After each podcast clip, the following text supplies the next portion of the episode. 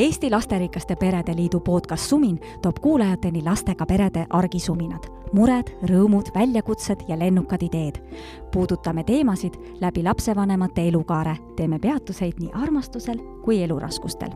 räägime perega seiklemisest, kastist välja mõtlemisest ja valikute tegemisest. mina olen teie saatejuht Karin Rask. Suminani! tere, alustab lasterikaste perede podcast Sumin, mina olen Karin Rask ja minu kõrval diivanil istub Katri Saali-Saul. Katri, sina oled terapeut, sa oled koolitaja, sa kirjutad artikleid ajakirjale Edasi ja sa teed ise peresaadet Vikerraadios ja kindlasti veel palju asju, mis mul pähe ei tule, on see kõik õige? jah. jah, ja siis sul on kolm last, kaks poissi, kes on juba suuremad ja üks tüdruk, kes on väiksem tõsi. tõsi. kui vanad su lapsed on? väike on üheksa, tüdruk on üheksa ja pojad on kakskümmend üks ja kakskümmend kaheksa. kas pojad tõenäoliselt ei ela enam sinuga, sinu kodus, nad on juba iseseisvad? see, kes on kakskümmend kaheksa, see on juba ammu iseseisev, aga kakskümmend üks on sellisel hoovõtu positsioonil, et nagu iga hetk välja lendamas, aga veel pesas. kuidas sa sellega kohanenud oled tegelikult, kui sa oled ju terve elu elanud poegadega koos ehk kindlasti selle suurema pojaga ja siis, kui see hetk tuleb, et ta läheb oma elu peale, see on tõenäoliselt suur muudatus no selles mõttes, et kui minu suur, kõik see kõige vanem poeg kodust ära läks, siis kaks tükki jäid ju koju, see on nagu hoopis teist laadi muudatus kui siis, kui äh, sul keegi lendab pesast välja, aga pessa enam keegi ei jää, et sel mm -hmm. hetkel, kui minu vanem poeg äh, kodust välja lendas, täpselt samal aastal sündis äh, väike tüdruk, nii et ma olin tegelikult selle väikse tüdrukuga nii hõivatud, et ähm, et sa ei pannud eriti tähelegi, et. ei no ma tähele ikka panin, sest et meievaheline suhe oli väga hea ja ta on nii tore, mul kõik on lapsed toredad, aga tähele ikka panin, aga lihtsalt ma olin nii ülihõivatud muude teemadega. aga kuidas teha sellist äh, et nagu sammu tagasi, et ähm, ma ei tea, milline ema muidugi sina oled, aga ma mõtlen, et mina ikkagi äh, küll lasen lastel toimetada e, nii no, iseseisvalt, nii iseseisvalt kui saab, aga noh, ma mõtlen, mul on vanem poeg viisteist praegu, et ma ikkagi ütlen talle seda, et kuule äh,, mis spordiriided sul on, kas sa viid need pesumasina juurde äh,, mis sa täna söönud oled äh,, alles lõuna ajal sõid ja nüüd on kell kaheksa õhtul, sa pead ikka vahepeal kuskilt sööma ja eh, praegu on külm ilm, sa pead ikka selle paksema jope panema. no ikkagi sellised pisiasjad käivad noh, igapäevaelust kogu aeg läbi äh, et ähm, aga nüüd, kui ta elab üksinda, on ju, siis ma ei saa ju, äh, praegu ma veel ei tea, aga ma mõtlen, et ma pean tegema ju selle sammu, et ma enam ei helista talle hommikul, et Hugo, kuule, vaata, väljas on äh, kolmteist kraadi, on ju, täna pead panema paksema jope. et mingist hetkest ma pean astuma selle sammu tagasi ja usaldama seda, et äkki Hugo ise teab, mis jope selga panna. et ähm, kuidas see sinu jaoks oli, kas sa tundsid ka sellist, et sa pead ennast teadlikult suunama, tagasi hoidma või, või tuli see sinul loomulikult? mina arvan, et kui, kui ma nüüd tagasi mõtlen, siis see laps oli piisavalt iseseisev juba meie kooselu lõpuski.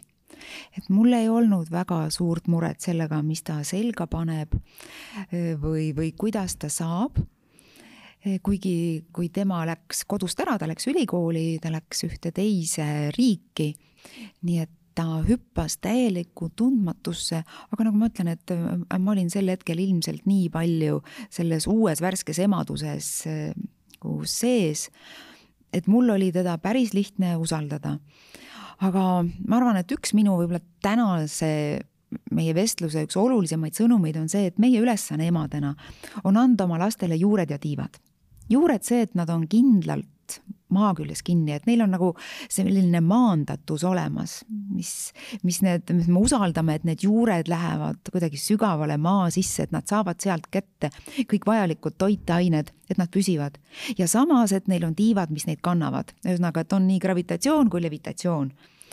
ja, ja usaldus tähendab seda, et äh, mul on niisugune kindlus, et need juured on maas ja need tiivad kannavad ja, ja kui nii võtta, siis kui, kui mina olen üle viiekümne ja, ja selles mõttes, et minu eh, nooruspõlv jääb ju nõukogude aega, siis käisime meie koolis ja me lõpetasime, kui olime kaheksateist.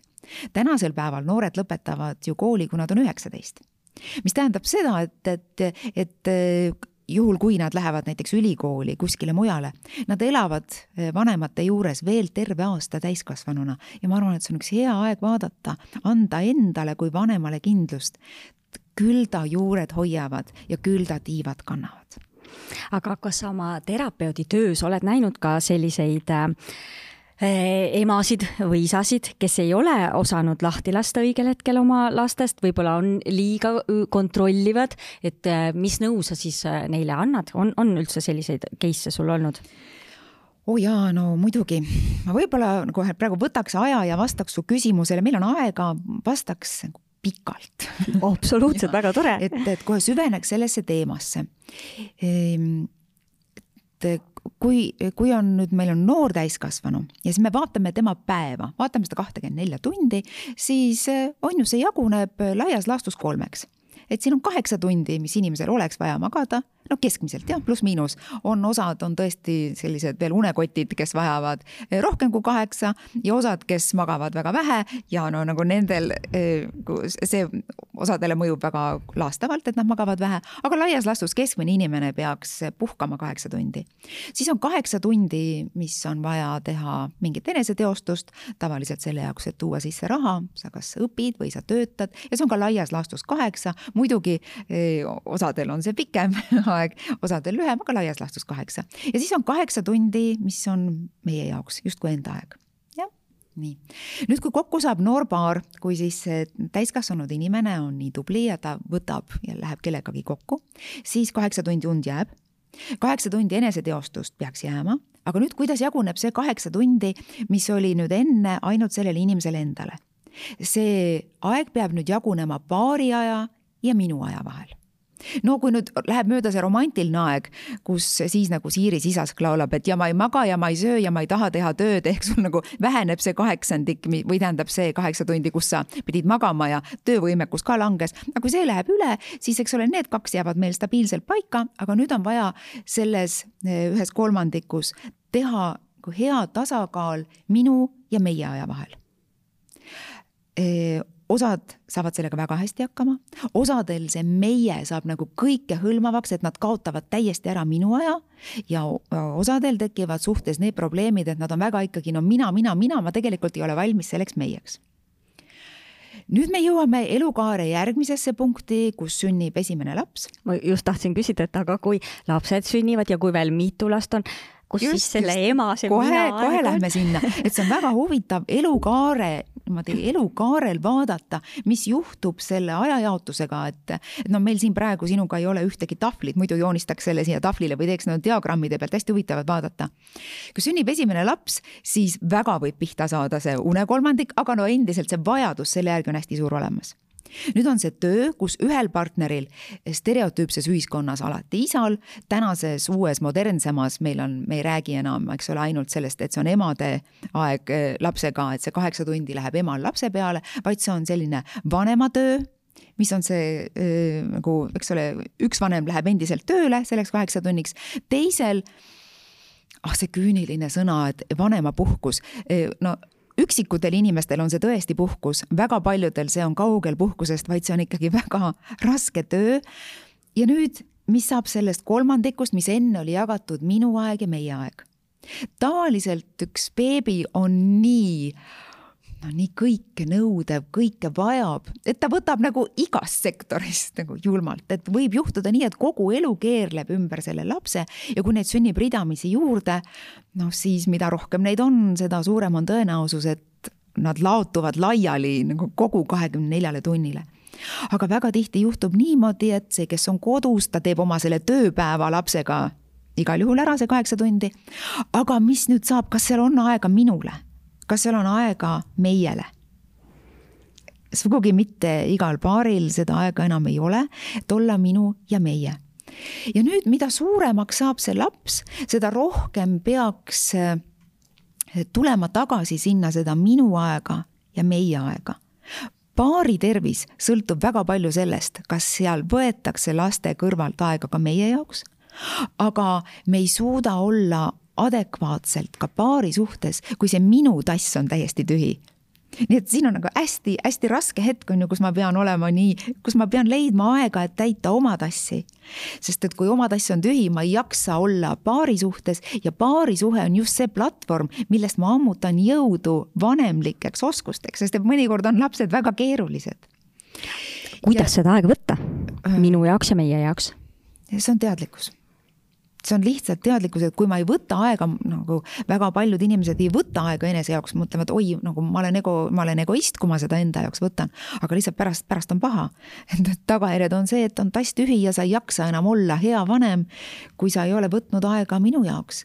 ja kui sa pole võtnud aega meie jaoks, kui see meie laguneb ära, siis sa pärast seda on sul tass niikuinii endal tühi, aga sa ei suuda olla ka väga hea vanem, see on teadlik, eh, teadlik tegevus siin peab olema võrgustik, millele toetuda aga, aga see on nagu teine teema, kui me nüüd läheme elukaarega edasi ja oletame nüüd niimoodi, et need lapsed on läinud suureks või mitte läinud suureks, lapsed on saanud suureks, siis eh, see aeg, mis läks nendele, peaks nüüd olema nagu uuesti peaks leidma seda minu ja meie aega. ja väga paljudele paaridele ja väga paljudele üksikisikutele on see väga raske, sest et nad on kogu aeg olnud selles vanema rollis. ja kui nad ei ole võtnud selles eelmises elukaare jupis äh, aega meiele, siis nad võib-olla on täiesti üksteisest võõrdunud.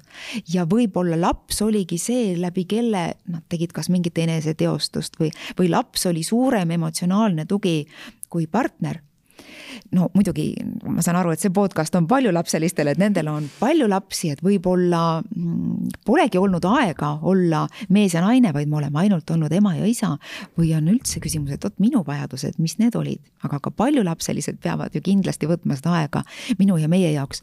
ja nüüd, mida rohkem tegelikult nüüd inimene oskab olla selles, et, et mul on endal ka nüüd selline rahuldust pakkuv elu ja meil on hea paarisuhe, seda lihtsam on lapsel minna. ja seda lihtsam on vanemal lahti lasta oma lapsest, et ma usun, sinu tiivad sind kannavad.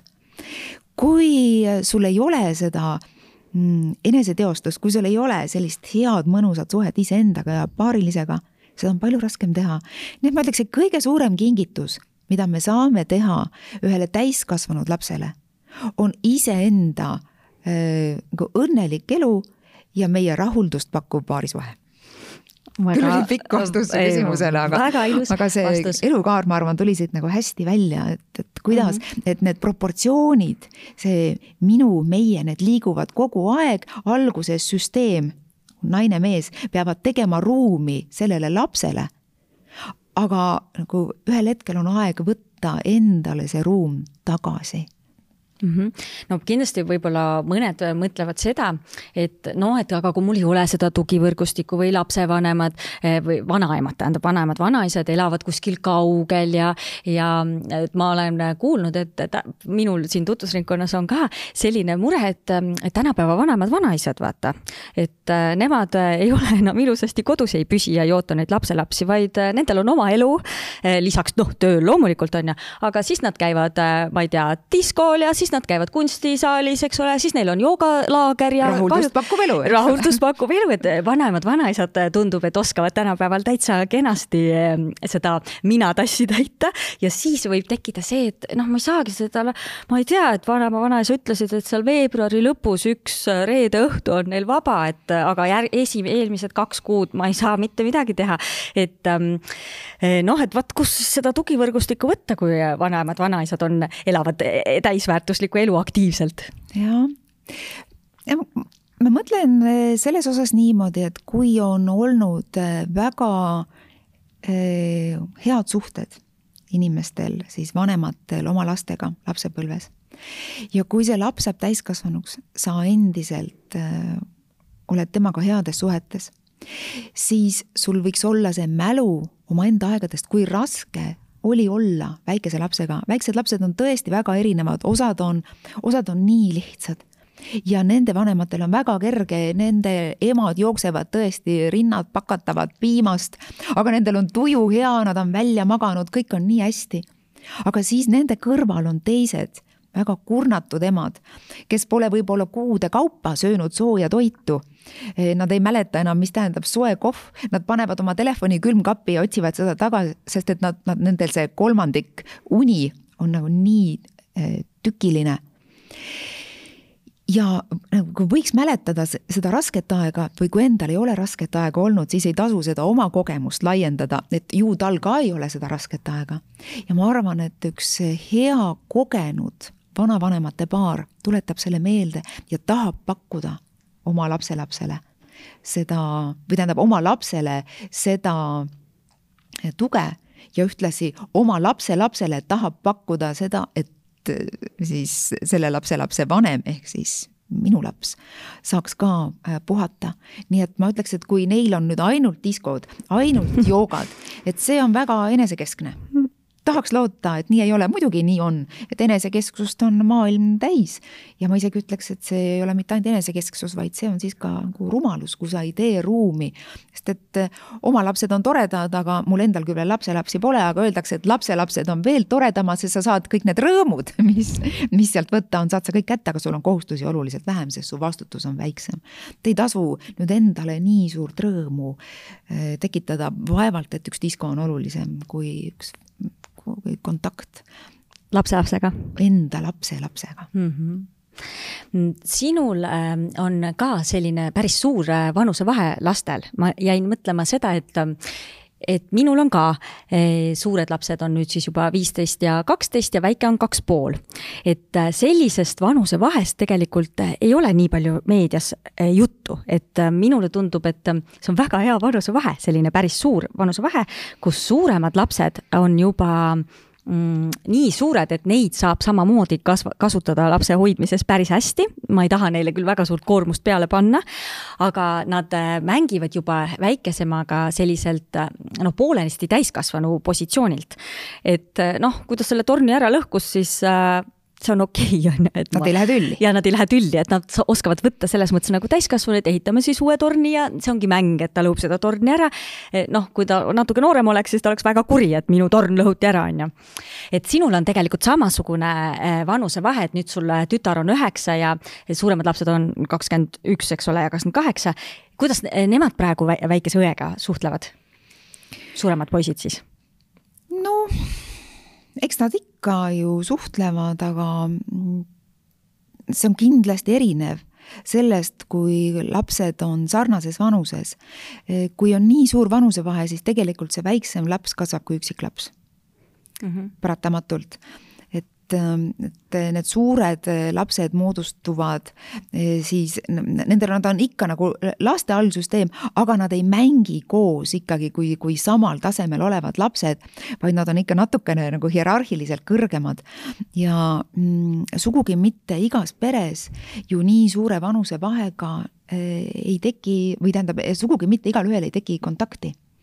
et mm -hmm. isegi kui nad nagu saavad aeg-ajalt kokku ja üksteist kuidagi hoitakse, siis seal ei pruugi ju alati ollagi kontakti, et äh, sellist lähedast äh, sõprust sa mõtled ka juba siis, kui nad oleksid täiskasvanud, on ju? E, ja, ja nüüd mm -hmm. sõltub hästi palju, kas need suured lapsed ühel hetkel võtavad selle väikese lapse iseenda sisse, sest et nende jaoks on ta praegu kuigi väike tegelikult. huvitav on küll, eriti alguses on muidugi noh, nagu nii, nii huvitav ja naljakas, aga eriti siis, kui see laps on, ütleme niisugune noh, just nimelt niisugune seitse kuni, kuni, kuni kolmteist, kui ta läheb kooli, tal on nagu omad, omad mängud, omad tegemised, aga ta ei ole enam ka nagu nii väike ja nii nunnu või nagu nii huvitav. et et kellega kogu aeg oleks vaja tegeleda, jah, siis mm, -hmm. no mul on see veel selles mõttes ees, et praegu minu see kahepoolene noh, nõuab aktiivse, väga aktiivselt oma tähelepanu suurtelt, noh muidugi tema jaoks ju õde ja vend on sellised iidolid, on ju, kõige toredamad, et kui vend ja nemad tulevad koju eh, trennist ja kui tulevad veel suurte noh, sõbrad, on ju, oi oh,, see on nagu Stigi jaoks on ikkagi täiesti noh, ma ei tea, kommipood on ju. pakub väga palju huvi. jah, ja, ja, ja no ma vaatan, et nendele suurtele noh, sõpradele ka pakub huvi Stig, noh, paljudel ei ole, vaata nii väikest õde-venda, kes juba käib ringi, on ju, räägib juttu, aga samas on niisugune pisike ja nunnu ja teeb nalja, on ju. et selles mõttes see toimib noh, sellises vanuses väga hästi, aga ega ma ei tea ju, kui nüüd Stig kasvab suuremaks, täpselt nagu sa ütled, et läheb juba kooli ja ta ei vaja niimoodi hoidmist tõenäoliselt kogu aeg ja noh, mängimist. et tema poolt ma arvan, see igatsus äh, suurte järgi noh, jääb kindlasti, aga suurtel on vaat sellel hetkel tõenäoliselt juba väga palju omi asju ja nad ei ole enam kodus, vaat nad ei ole kättesaadavad ja nii. ja, ja siis ongi vaja leida seda ühist kontakti, ühist tegevust ja ei ole paremat asja selle jaoks kui ikkagi ühine mäng. aga nüüd tuleb leida selline mäng, eh, mis kõigile sobib mm. -hmm. Mm -hmm. nojah, praegu meil ongi kodus see, et eh, meie noh, vanasti mängisime hästi palju eh, oma suurte lastega, aga noh, nüüd on, ma tegelikult ise hästi kurb selle üle, et meie kuidagi väga vähe leiame seda aega, kuna Stig on alati olemas. noh, ja me ei saa võtta lauamängu välja, sest et Stig tassib need kaardid ja need äh, nupud, need asjad kõik laiali ja natuke kurb on jälle teda panna ka kuhugi ekraani taha, et kuule, tead, vaata sina nüüd lihtsalt multikat, et meie mängime siin. Teil tuleks leida teised tegevused, lauamäng tema jaoks liiga vara, aga mm -hmm. näiteks piparkookide küpsetamine. talle väga meeldib. ühine, ühine tegevus, eh, lumememme ehitamine on ju, et kus saaks tuua kokku, aga see oleks kõigi jaoks selline tore mhm. tegevus mm. -hmm. aga ja kui nad kasvavad suuremaks, siis on see noh, saab juba leida uusi mänge, et siiski hoida nende vahel kontakti et siin teie teadlikult tegelikult teete või noh, kas teadlikult, aga nii poolenisti teadlikult, et lood seda atmosfääri, et pere saaks kõik koos mingeid asju teha, on ju. kus siis õde ja vennad saavad ka omavahel eh, niimoodi nalja teha koos ja läbi nalja tegelikult kasvada kokku mm. -hmm. sest midagi ei liida peret paremini kui naer. kas ma nüüd hüppan täitsa teise teemale, et sinu töö on äh, tegelikult ähm, terapeudi töö, sa oled pere, pereterapeut põhiliselt äh, või kas sa oledki pereterapeut ainult või tegeled näiteks ka lastega või inimestega individuaalselt? No pere koosnebki ju ikkagi indiviididest, et kindlasti iga pereterapeut teeb ka individuaalset tööd, me teeme paaritööd, aga mm, pereterapeudi väljaõppes ongi tegelemine perega kui süsteemiga.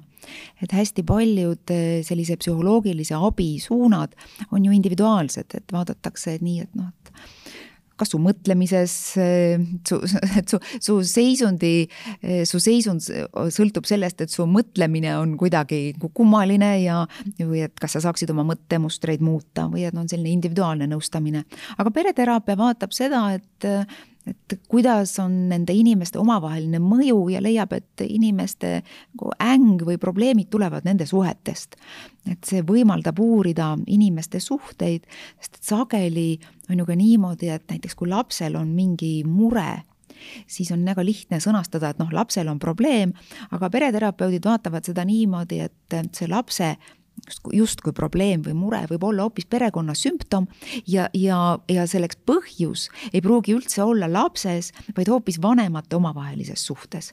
nii et äh, sageli on pereteraapia hoopis töö vanematega laste juuresolekul või lapse juuresolekul ja kui vanemad omavahelistes suhetes lahendavad ära mingid oma probleemid, siis lapse sümptom kasvõi see, et ta ei oska käituda või, või et ta käitub halvasti haihtub justkui iseenesest. et kui sa tooksid ainult lapse teraapiasse, siis jaa, lapsega saab teha, eks ole, meil on ju ka ikkagi ju lastega ka tegeletakse, on olemas loovteraapiad, aga sa tegeled ainult lapsega, kui sa seda vanemate omavahelist suhet ei muuda ehk süsteemi ei muuda, siis ega lapse probleem ju ei kao. Nii et, et pereteraapia tähendabki seda, et me vaatleme kogu süsteemi koos. tervikuna. Ja natukene on see natu-, nagu detektiivitöö ka tõenäoliselt, mulle tundub, et aru saada, et kuhu need niidid viivad, et mis see tegelik põhjus on. Väga hästi sõnastad. Ja see on niisugune uurija töö, et sa, sulle tuuakse justkui kandikule üks pere või noh, pere ise tuleb ja siis sa hakkad uurima, sul on nagu antud luba küsida, uurida suhteid ja vanemad mõnikord no nii väga tahaks, et ei ikkagi, see üks on probleem või üks inimene on meist, meist probleemne, et palun tehke tema korda.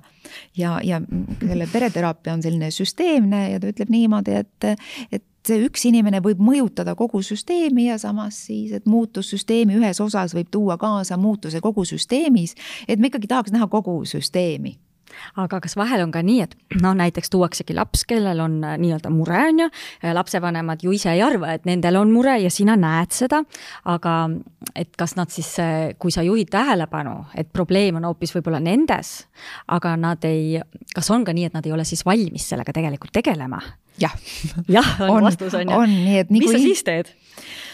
kuidas sa siis äh, noh, ei lase neid ju lihtsalt uksest ära ja sa mõtled, et noh, niimoodi nad nüüd elavad edasi seal, et nii saaks ju selle lahendada, et kuidagi tirid tagasi nad ja no nüüd me süüvime juba, eks ole, pereteraapia sisusse, et kuidas seda teha.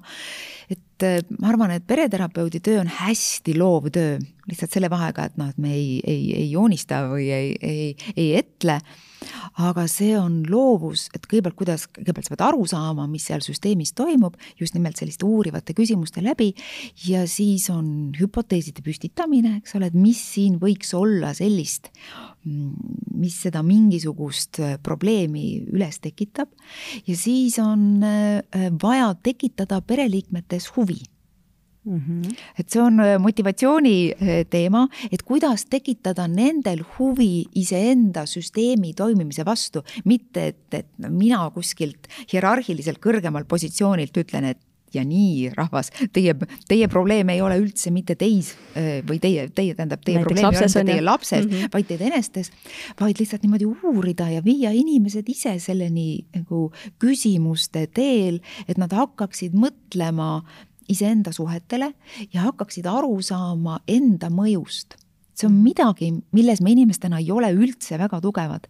et aru saada, milline on minu käitumise mõju minu partnerile, eh, lastele, meie kui vanemate allsüsteemi või noh, meie, eks ole, kui vanemate mõju oma lastele, milline on minu enda seisundi mõju, näiteks kui ma olen kas depressiivne või ärev ma võin mõelda, et ma suudan mingisuguseid oma seisundeid või oma rahulolematust enese sees hoida. ma võin niimoodi mõelda küll, aga, aga mu lapse käitumine näitab hoopis midagi muud. tegelikult me seda ei suuda või et kui meie vanematena omavahel riidleme, et noh, mis see laps on nii väike, see teda ei mõjuta. aga kuna lapsed on nii tundlikud, mm, eriti esimeste eluaastate jooksul, et sageli laste sümptomid nii selgelt peegeldavad äh, vanemate omavahelist äh, suhet, vanemate, kummagi vanema eraldi neo, nagu neurootilisuse taset, et kui ikkagi on selline kõrge neurootilisuse tase ja vanemad omavahel äh, riidlevad või kritiseerivad, isegi halvustavad, siis ei tasu olla väga üllatunud, et lapsel on ühel hetkel sümptom. ja vot mida siis ma arvan, et pereterapeudi vast kõige suurem väljakutse ongi äratada kogu peresüsteemis uudishimu Mm -hmm. ja uudishimu on, on või noh, mitte selles mõttes, mitte halvas mõttes uudishimu, eks ole, et ma tahaks midagi nuhkida, aga aga, aga niisugune eluterve huvi, et kuidas me toimime ja milline on meie mõju ja milline on minu enda seisund, miks ma mõtlen nii, nagu ma mõtlen, miks ma tunnen nii, nagu ma tunnen. ja siis tulebki, eks, ega pereteraapia ei tegele ju ainult mitte ka selle ühe paariga, eks ole, vaid, või noh, nagu lapsega, siin on kaks põlvkonda, aga sageli me võtame mängu ka kolmanda põlvkonna, sest et see, kuidas vanemad mõtlevad ja tunnevad, võib olla hoopis nende laiema peresüsteemi mõju, et ma käitun nii sellepärast, et meie peres on alati niimoodi käitutud, eks ole, et mhm. alati, kui on stress, siis ma lahendan stressi sellega, et ma kas vaikin ja ei räägi. sest et niimoodi ju, eks ole, niimoodi ju mehed teevad või, või ma alati lendan pudrunui käes peale, sest et niimoodi on ju, kuidas naised teevad näiteks meie peredes. ja milline on selle mõju nüüd meil vastastikku, kas on olemas teisi reageerimise mooduseid ma mõtlen, kuulan sind ja mõtlen, et, et äh, sina oled ju seda kõike õppinud ja tead, äh, vaata, noh, oskad näha neid, miks inimesed niimoodi käituvad. et ähm, kas sul on hästi lihtne elu, tahan ma küsida selles mõttes, et, et sa tead kogu aeg mingis situatsioonis, et miks sinuga rääkiv inimene, ta praegu just niimoodi käitub või noh, noh, tead igasugustes olukordades, kas koolis või tööl või, või kodus äh, kaaslane või laps või ema või isa sa kogu aeg, kas sa, kas astud kogu aeg niimoodi eh, sammu tagasi ja mõtled mm, noh, ta teeb seda ju sellepärast, et nii. ja kas sa siis oskad ka ise veel õigesti reageerida? tähendab, kas sinu amet aitab sind sinu elus tegelikult või, või sa päriselt ise ei oska nendes situatsioonides äh, niimoodi kogu aeg diagnoose panna äh, või siis ka käituda õigesti? No ma tahaks nagu arvata, et, ähm, et keegi meist pereterapeutidest üldse diagnoose ei pane, et me just nimelt neid diagnoose katsume väga vältida, nii et diagnoose ma usun, et, et valdav enamus noh, meil on psühhiaatrid, kes peavad neid diagnoose mm -hmm. panema jah, et, et psühholoogilise hingeabiteenistus diagnoose ei pane. nüüd küsimus, võib-olla võtan selle kõigepealt nagu suuremalt, et kas üldse siis hingeabi andjatel, kas neil on oma elu kergem? Vastaks, et nii ja naa et loomulikult seda tööd tehes noh, lihtsalt väga raske on ju välja lülitada oma teadmist. aga olles eh, inimene, siis et nagu nendest teadmistest ei ole iga kord kasu, sest et meil on nagu mingid asjad, mida me kutsume automaatsed käitumised ja automaatne käitumine ähm, ma võtan siis ka selle sellise pika vastuse, jah. et võtame selle käe kui sümboli eh, meie ajust, ma teen nagu hästi primitiivse sissevaate aju toimimisse. tuletame, et see käsivars on nagu ajutüvi ja siia ajutüvesse on meil sisse kodeeritud eh, automaatsed käitumis sellised reaktsioonid, mis käivituvad eh, ohu korral. Need on meil samasugused nagu loomadel ja loomadel on see, eks ole, kui on ohuolukord, siis sa kas põgened, tardud, mängid surnut või põgened loomad eh, ei mõtle selle üle, ütleme, kui jänes on, on hädaohus ja tiiger teda jälitab, siis jänesel ei käivitu mingit kognitiivset protsessi, vaid ta instinktiivselt hetkeks tardub, vaatab, kui tiiger on kaugel, siis on targem põgeneda. kui tiiger on tulnud liiga lähedale, siis ma parem tardun, ma teen niimoodi, et äh, äkki ta, mind ei, äkki ta -hmm. mind ei näe, on ju. Ehm, kui ikkagi nägi, siis veel katsun jänesena põgeneda kui nüüd äh, algab jälitamine, ma teen, kui ma võitlen oma elu eest, ma jooksen eemale, aga ühel hetkel, kui tiiger mu kätte saab, siis on kõige mõistlikum on uuesti äh, tarduda et seda kutsutakse dissotsiatsiooniks, et sa justkui nagu perifeerset eh, kehaosadest, eh, käpakestest ja kõrvadest veri läheb eh, no niimoodi, et, et need haavad, mida ma saan, ma ei jookse verest tühjaks, vaid et läheb siseorganite elus hoidmiseks ja kui ikkagi surm tuleb, noh siis eks ole, enne seda on targem minestada, no ikkagi täielikult juba dissotseeruda, et siis on ka kergem. aga mõnikord on ju, on ju niimoodi, et kui sa mängid surnut, siis tiiger või hunt laseb selle jänese juba hambust, mõtleb, et nii, noh, see on nüüd nagu surnud saak, et korraks puhkan jalga ja mitugi ju hiirt on ära jooksnud kassi käest, kes on olnud hambus ja tegelikult ta ei ole saanud viga just nimelt sellepärast, et see tardumise reaktsioon on teda aidanud. ja, ja siis ta saab põgeneda, jah. inimestena siin meie selles ajutüves need reaktsioonid on samamoodi. et lihtsalt eh, meie põgenemine on sageli mm, kas passiivne või nagu, kas ma aktiivselt tõesti nagu lahkun konfliktsest olukorrast või ma jään nagu kohale, aga ma lihtsalt nagu väldin kontakti, ma lähen kilpkonnana kilbi alla. siis on variant see, et ma alistun ja variant see, et ma seisan iseenda eest, oma tõe ja õiguse eest ja mõnikord no nagu kas verbaalselt, agressiivselt või ka füüsiliselt, et need reaktsioonid on meis kõigis olemas, käivituvad siis, kui limbiline süsteem ehk see koht, kus meil tekib emotsioon, see annab signaali. Ja see tuleb signaal see, et ohtlik. Ja siit tuleb, et ma, ma vihastun ja siis tulevad hästi kiiresti reageerime siit ajutüvest. aga meil inimestena on nüüd nagu siin selle limbilise aju peal korteks ehk eesajukoor, kus on peidus loogiline mõtlemine, süntees, analüüs, huumorimeel, meie siin sinuga praegu just siit suhtleme siit eh, eh, korteksist.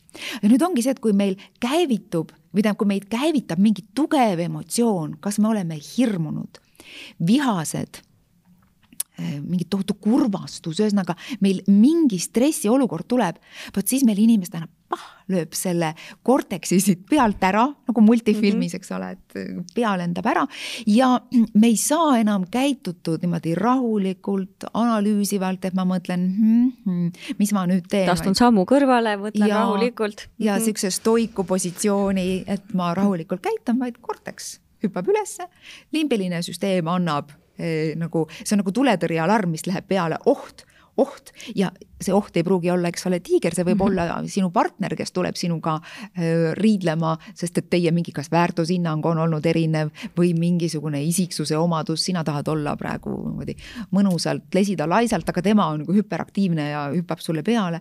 et meil see limbiline süsteem ütleb oht, oht, oht ja see partner tundub ohtlik ja siis käivituvad meie automaatsed reaktsioonid, mis siis võivad olla meil õpitud kas omaendaga lapsepõlves, sest et niimoodi minu lapsepõlves minu vanemad käitusid või, või noh, nagu on erinevaid põhjusi ja miks see võib mm -hmm. käivituda ja vot, mis ma tahan öelda, on see, et ega siis, kui keegi on pereterapeut, ega see ei tähenda just seda, et me oleme kaitstud selle eest, et meie korteks ei plahvataks mm -hmm. aeg-ajalt, sest et see limbiline aju ütleb, et on oht. ja võib-olla me suudame olla nagu rohkem, mida rohkem me oleme enda protsessidest teadlikud, siis me ei ole nii reaktiivsed, vaat see sõna, mis on see reaktiivne mm, -hmm. et ma reageerin, enne kui ma teadlikult mõtlen, kuidas ma võiks reageerida mm. -hmm sest et lastel, eks ole, see korteks ju veel üldse hästi ei töötaks ja nemad lihtsalt reageerivadki, tuleb signaal ja nad kohe reageerivad siit. eks ole, kes ütleb, ma mängigi, kõik on, kõik on pekkis. Või eks ole, äsab kellelegi rusika või, või jalaga või, või hammustab aga me mida... ei ole kaitstud, meie korteksid ei ole kaitstud, aga ja no nagu mida rohkem me teeme tööd iseendaga ja see ei kehti ainult terapeutide puhul, vaid täiesti ka tavaliste inimeste puhul, et mida rohkem oleme teadlikud iseenda nendest automaatsetest käitumisreaktsioonidest, et ma pigem kas kompenseerin üle ja ma olen rohkem selles ründavas positsioonis või ma pigem olen konflikti ja stressi olukorras see, kes tahab tõmbuda kilbi alla ja, ja oodata, et noh, läheks asi üle ja siis ma tulen välja. mida rohkem oleme oleme teadlikud, seda paremini töötab meie korteks kas siis, kui sa oled teadlik nendest asjadest äh, rohkem, kas ähm, neid põhiasju, vaat täpselt neid reageeringuid, et näiteks mina reageerin alati nii, et tõmban, ütleme endasse või vastupidi, alati ründan. Äh, kas neid ähm, saab, olles teadlik äh, inimene ise siis natukene reguleerida, on ju, et, et ma siis oleksin rohkem eh, avatud suht-, suhtlemisele, ei oleks seal kilbi all või vastupidi, et ma ei ründaks eh, nii tihti, on ju. aga kas sa oled näinud, et kas täielikult saab ka muuta, no ma mõtlen võib-olla need ründajad, kas nad saavad ka eh, või, või on see nii, et see on tegelikult tema omadus elu lõpuni ja ta võib-olla suudab seda veidi rohkem kontrollida, aga et kahjuks nii jääbki no ega eesmärk ei olegi ju saada ideaalseks inimeseks. selle jaoks, et olla imeline inimene, ei pea olema täiuslik inimene et ja sellepärast ongi tore tegeleda just nimelt süsteemiga, perega, kõigiga koos, mitte ühega, sest sa võid öelda nii, aga kuule, istume rahulikult sinuga teraapia situatsioonis, arutame läbi, inimene ütleb, jaa, vaat minu automaatsed käitumisreaktsioonid on sellised, et stress tõuseb, ma alati muutun kilpkonnaks, on ju, või. ja siis tal on nii lihtne talle öelda, kuule, aga jaa, et aga nagu ära ole, ole teistmoodi, on ju. või vastupidi, et ära ole nagu tiiger. jah, et, et ole rahulik, mis sa, mis sa lähed kohe ja, ja kui see on ainult, see töö toimub selle inimesega, siis et, et ta on ju teraapia situatsioonis rahulik aga nüüd, kui ta saab partneriga kokku ja partner ei muutu ja partner ei ole sellest teadlik, siis partneritel, meil on ju suurepärane oskus tegelikult trigerdada teises, me teame, kus on need Achilleuse kannad. me teame, kus on teise konna silmad, me astume sinna peale, mõnikord ka meelega. ja me ikkagi käivitame teises need reaktsioonid ja muidugi, ja siin on küsimus, kas me käivitame või inimene käivitub mm. -hmm ähm,. ehk et äh, vahel on ju ka nii, et inimene noh, teises mingid asjad äh, seda eh, tiigrit siis äh, käivitavad, aga see kilpkonnakene näiteks ei olegi üldse teadlik, et tema need asjad käivitavad nüüd seda tiigrit, on ju. ja et, et me võime vaadata, et elu on lineaarne, et on üks põhjus ja tagajärg ja üks käivitab teist. aga tegelikult elu ei ole lineaarne, vaid on tsirkulaarne. et, et see protsess, kuidas paar üksteist käivitab, et see on, see on nagu tants. Terapeudidena tihti räägime tantsust ja tantsus on mõlemal oma osa ja sellepärast on neid palju ägedam võtta koos, et uurida seda tantsu, et nad oleksid uudishimulikud, et mis mina teen, meil tuleb mingi stressiolukord, mida üks teeb, mida teine teeb, missugused sammud me astume, sest et sageli paarides, et tants, et see ei ole see, et neil on kolmkümmend tüli kuus, kõik on erinevad, ei, ei, tegelikult see on enam-vähem üks ja seesama tüli, mis kordub kolmkümmend korda kuus, sest et kõik võtavad sisse oma positsioonid. Et näiteks tiiger läheb rünnakule, kilpkonn läheb kilbi alla, siis tiiger natukene aega, eks ole, koputab ja märatseb kilbi ümber. tiiger läheb marru sellest, et kilpkonn istub kilbi all, sest et tema tahaks asjad ära klaarida temal ainult nõuab, eks ole, et tule, tule vaitsid kilbi alt välja ja siis me saame asjad klaariks, temal on see vajadus. kilpkonn mitte mingil juhul ei ole nõus kilbi alt välja tulema, sest see on nii ohtlik, kui ta satuks, no ta süüakse ju ära kilpkonna poolt või selle tiigri poolt, on ju. tema mõtleb, et tema tuleb välja ainult siis, kui tiiger on maha rahunenud. ehk kilpkonn sellega, et ta istub kilbi all, kütab üles tiigrit. ja, ja vastupidi, kuni ühel hetkel võib juhtuda, et tiiger väsib ta ei jaksa, muutub ise kilpkonnaks, ütleb, et noh, see on lootusetu ja siis on meil kahe kilpkonna suhe, mis noh, siis lõpeb varem või hiljem stagnatsiooniga, nad ei pruugi lahku minna. nii et, et selles mõttes, et neid mustreid on väga huvitav uurida, on huvitav uurida seda, mis toimub paariliste vahel, milline on nende kahevaheline muster ja tants. aga ma arvan, et kummalgi paarilisel on huvitav uurida ka seda, milline on nagu minu ja minu vanemate muster, et, et noh, et need minu mustrid on tekkinud ju sellest, kuidas minu vanemad mind äh, hoidsid, äh, kasvatasid ja millised olid nende omavahelised mustrid, ma ju kuskilt seda õpin.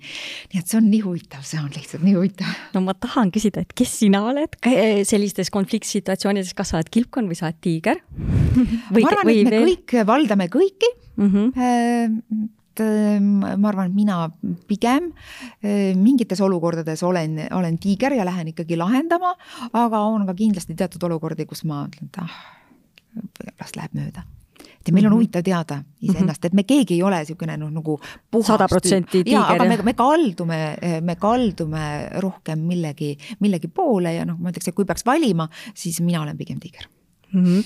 ja, ja nagu ma sinu jutust aru sain, siis ongi nii, et vist erinevates situatsioonides või erinevates ka kontekstides, erinevate inimestega erinevates kohtades äh, võib üks ja sama inimene olla siis kas rohkem tiiger, on ju, või rohkem äh, näiteks kilpkonn, on ju. jah mm. -hmm.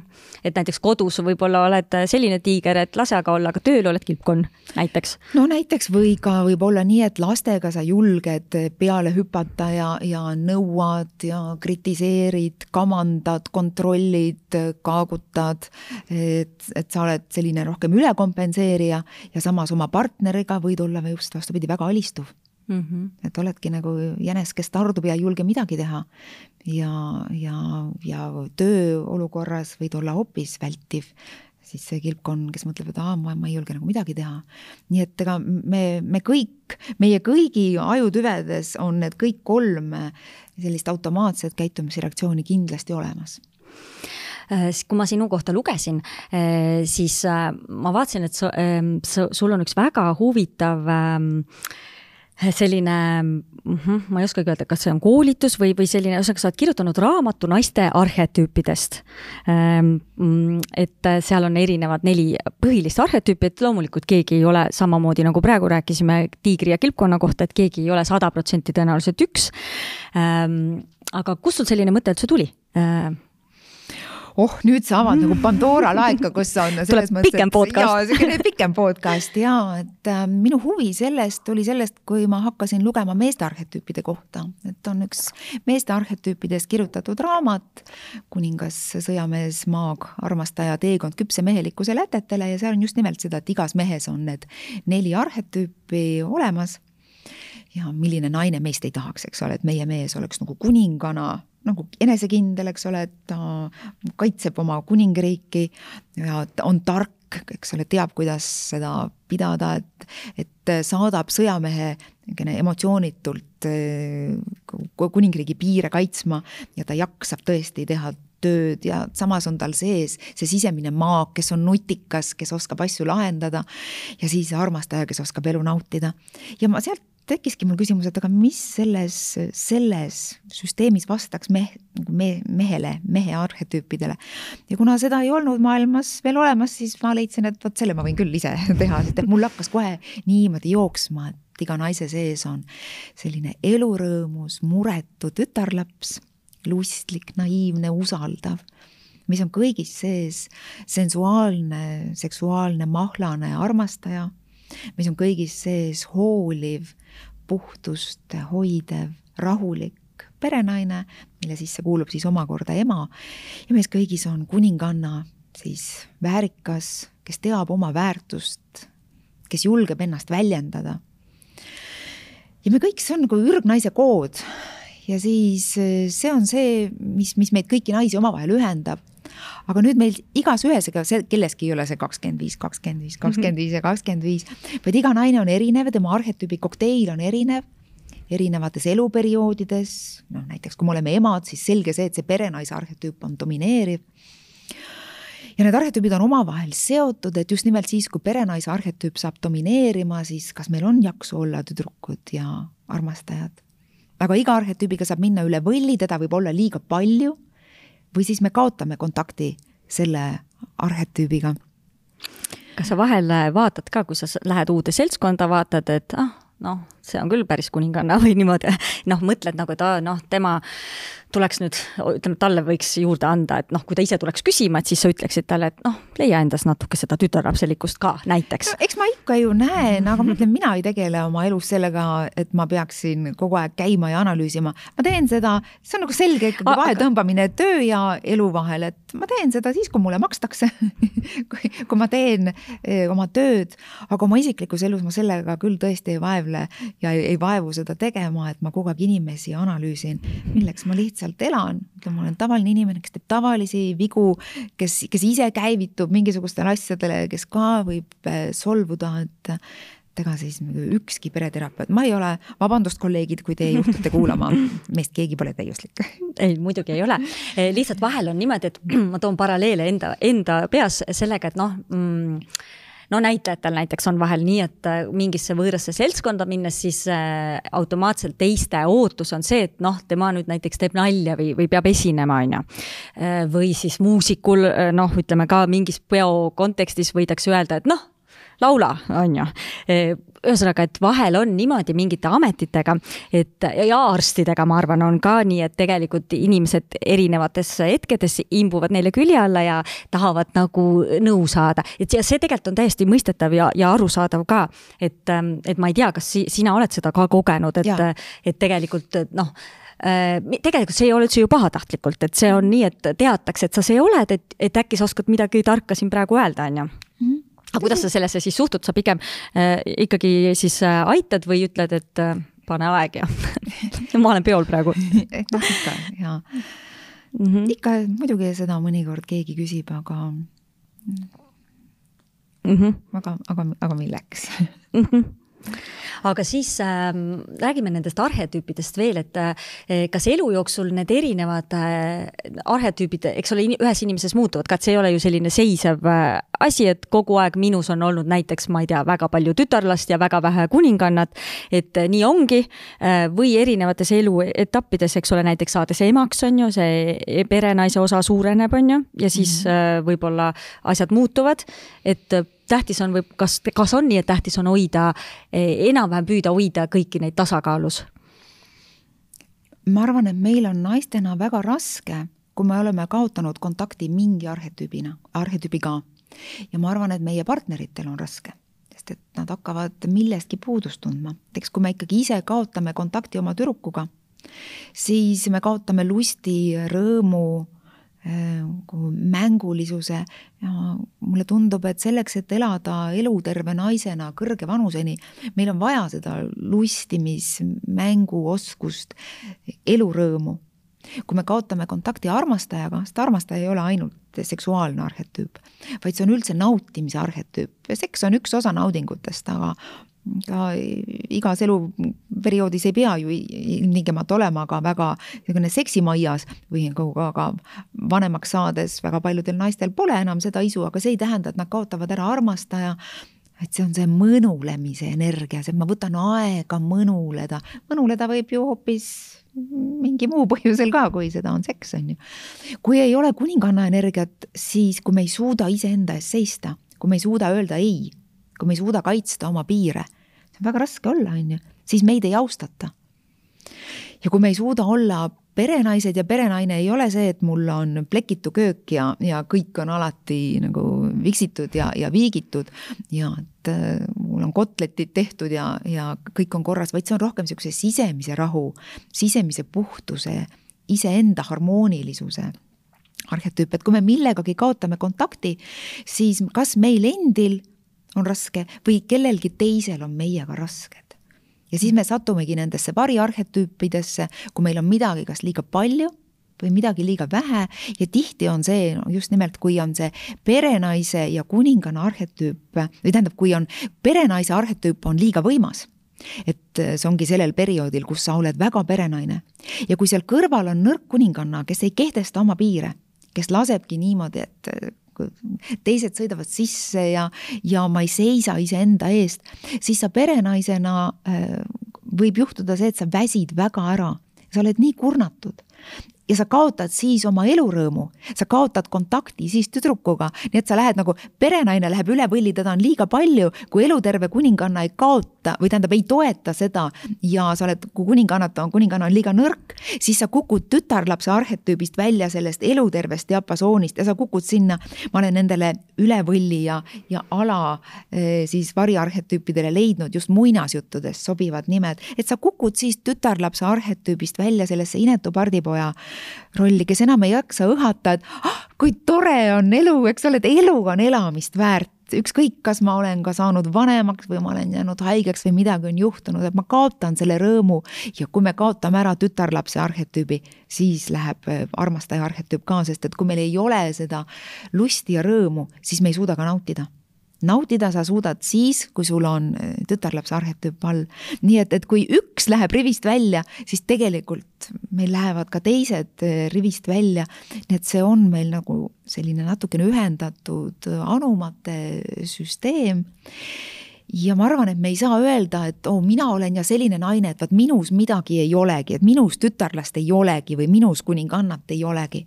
meis on kõigis nad olemas, lihtsalt neid on kas siis liiga palju, seda on üle võlli või mingil põhjusel ma olen kaotanud temaga kontakti. ja ei ole mingit põhjust, sest et kõik need neli arhetüüpi on ju niivõrd mõnusad, nad on nii olulised ja no nagu küsida meestelt siis noh, nagu iga mees ütleb, et oo, mina tahaks kõiki neid eluterveid ja paluks ilma nagu kõrvalnähtudeta, on ju.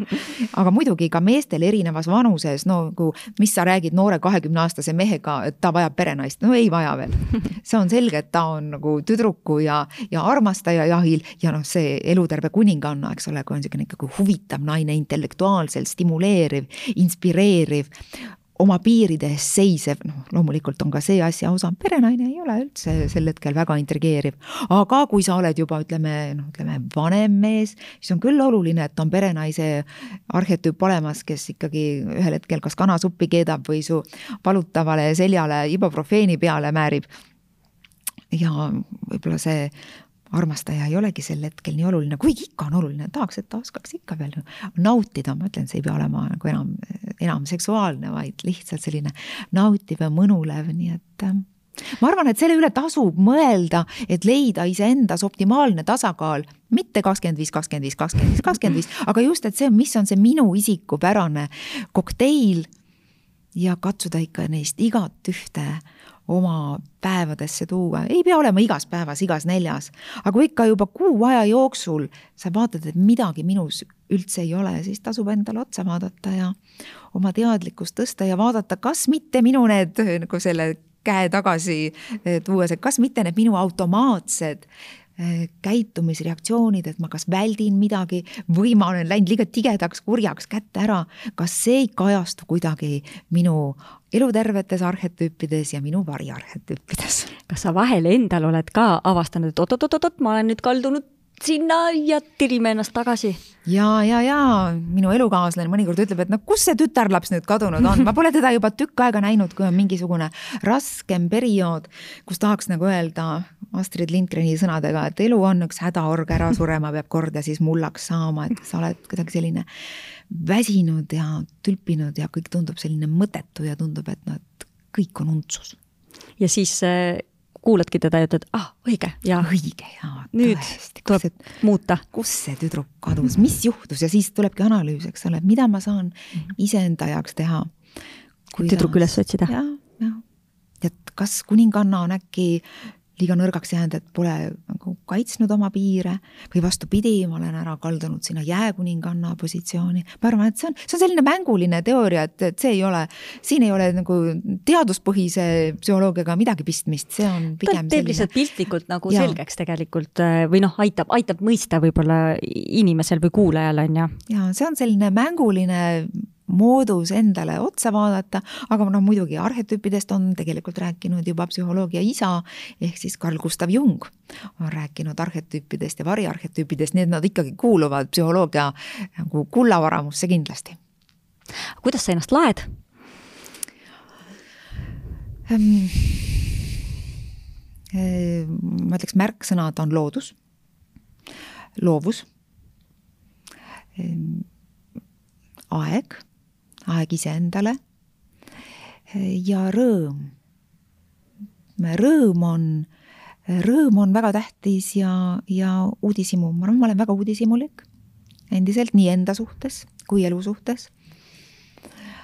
et mind, mind tõesti huvitab, kuidas elu toimib ja noh, ma olen saanud endale siis valida sellise töö, et, et ma, et mul on võimalus elu uurida.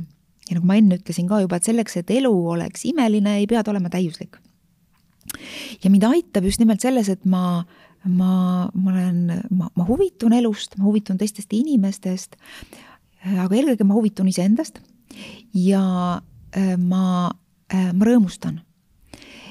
ja ma katsun rõõmustada ja tunda neid häid tundeid ülekehalistena, et võib-olla võtakski selleks selliseks lõpumõtteks selle, et mm, kui me tunneme hirmu või viha või ärevust või pettumust. tunned ülekehalisena, eks? kindlasti. vihane. kindlasti. jaa, on ju. nagu rusikad lähevad justkui nagu punaseks, on ju, või sa, sa keed üle keha. aga kas sa positiivseid tundeid, rõõmu ja tänulikkust, vaimustust, lõbustatust eh, oskad ka üle keha tunda? Tahaks nagu öelda, et jaa, aga kindel ei ole ju. või noh, ma arvaks ikka, et ta on nagu soe ja mõnus, on ju mm,. või noh, naer on ju, lähebki niikuinii üle keha, vaata. kui sa suudad naerda, eks ole, kui tütarlapse arhetüüpi on nii palju elus, et sa suudad naerda. ja eh, väga paljudel inimestel on niimoodi, et ütlevad, ma tean, et ma peaks olema tänulik et ma nagu, nagu mõistusega ma tean, et ma peaks olema tänulik, aga tegelikult südames tänutunnet ei tunne. ma tean, et ma peaks olema rõõmus, et elu on tegelikult ju täitsa tore. aga ma ei, ma ei tunne praegu seda rõõmutunnet. ja vot mina laen ennast sellega, et ma püüan neid positiivseid tundeid kogeda ka ülekehalistena. selleks on vaja võtta aega või ka see sisemise rahu tunne, eks ole, ma tean küll, et võiks olla rahulik, aga, aga ma ei tunne tegelikult kehas rahu, sest et ma tunnen ülekehalisena kogu aeg ärevust. et elu kannab meile selliseid raskeid negatiivseid olukordi tegelikult kandikul ette, me ei pea suurt midagi tegema, sa võid istuda rahulikult oma tugitooli maha ja küll elu selle eest kannab hoolt, et sa tunneksid viha, hirmu, kadedust, kurbust, süüd, vastikust, häbi on ju, elu, elu aitab. aga selleks, et tunda sellest positiivsest spektrist, sellest mõnusast, peab olema ise loov. peab neid endale sel hetkel ellu, kui võib-olla elu neid sulle ei kanna, neid peab ise looma või sel hetkel, kui ka elu ei too rõõmu, siis äh, ega see ei peagi olema niisugune eufooriline rõõm, et ma nüüd iga päev katsun leida seda rõõmu ja ma nagu tantsin, laulan, kilkan ja, ja, ja kuidagi nagu eufooriliselt rõõmustan, vaid on rõõm väikestest asjadest tänulikkus äh, elementaarsetest asjadest, sest et me unustame selle sageli. ja siis ma katsun seda teha niimoodi, selleks peab võtma aega, et ma nagu hingan selle oma kehas laiali selle rõõmu, et ai, ma sain täna hommikul magada, mul, mul oli aega. et oi, tegelikult ma olen viiskümmend, aga näed, ma olen täitsa hea välja, vaatan ennast peeglist, mõtlen, no on, on täitsa, vaata praegu üks toredamaid inimesi, keda ma tean. et mul on mingi põnev raamat, ma saan minna tööle, ma saan minna tegema seda, mis mulle meeldib. mul on head sööki, ma olen tänulik selle üle, et mul on pere, ma olen terve, ma ei, ma ei ole praegu haige ja, ja vot selle tänutunde sisemise rahu rõõmu ma elan niimoodi ülekehaliseks ja niimoodi ma ennast loon. Ja siis ma lähen metsa jalutama. väga ilusad mõtted, aitäh sulle, Katri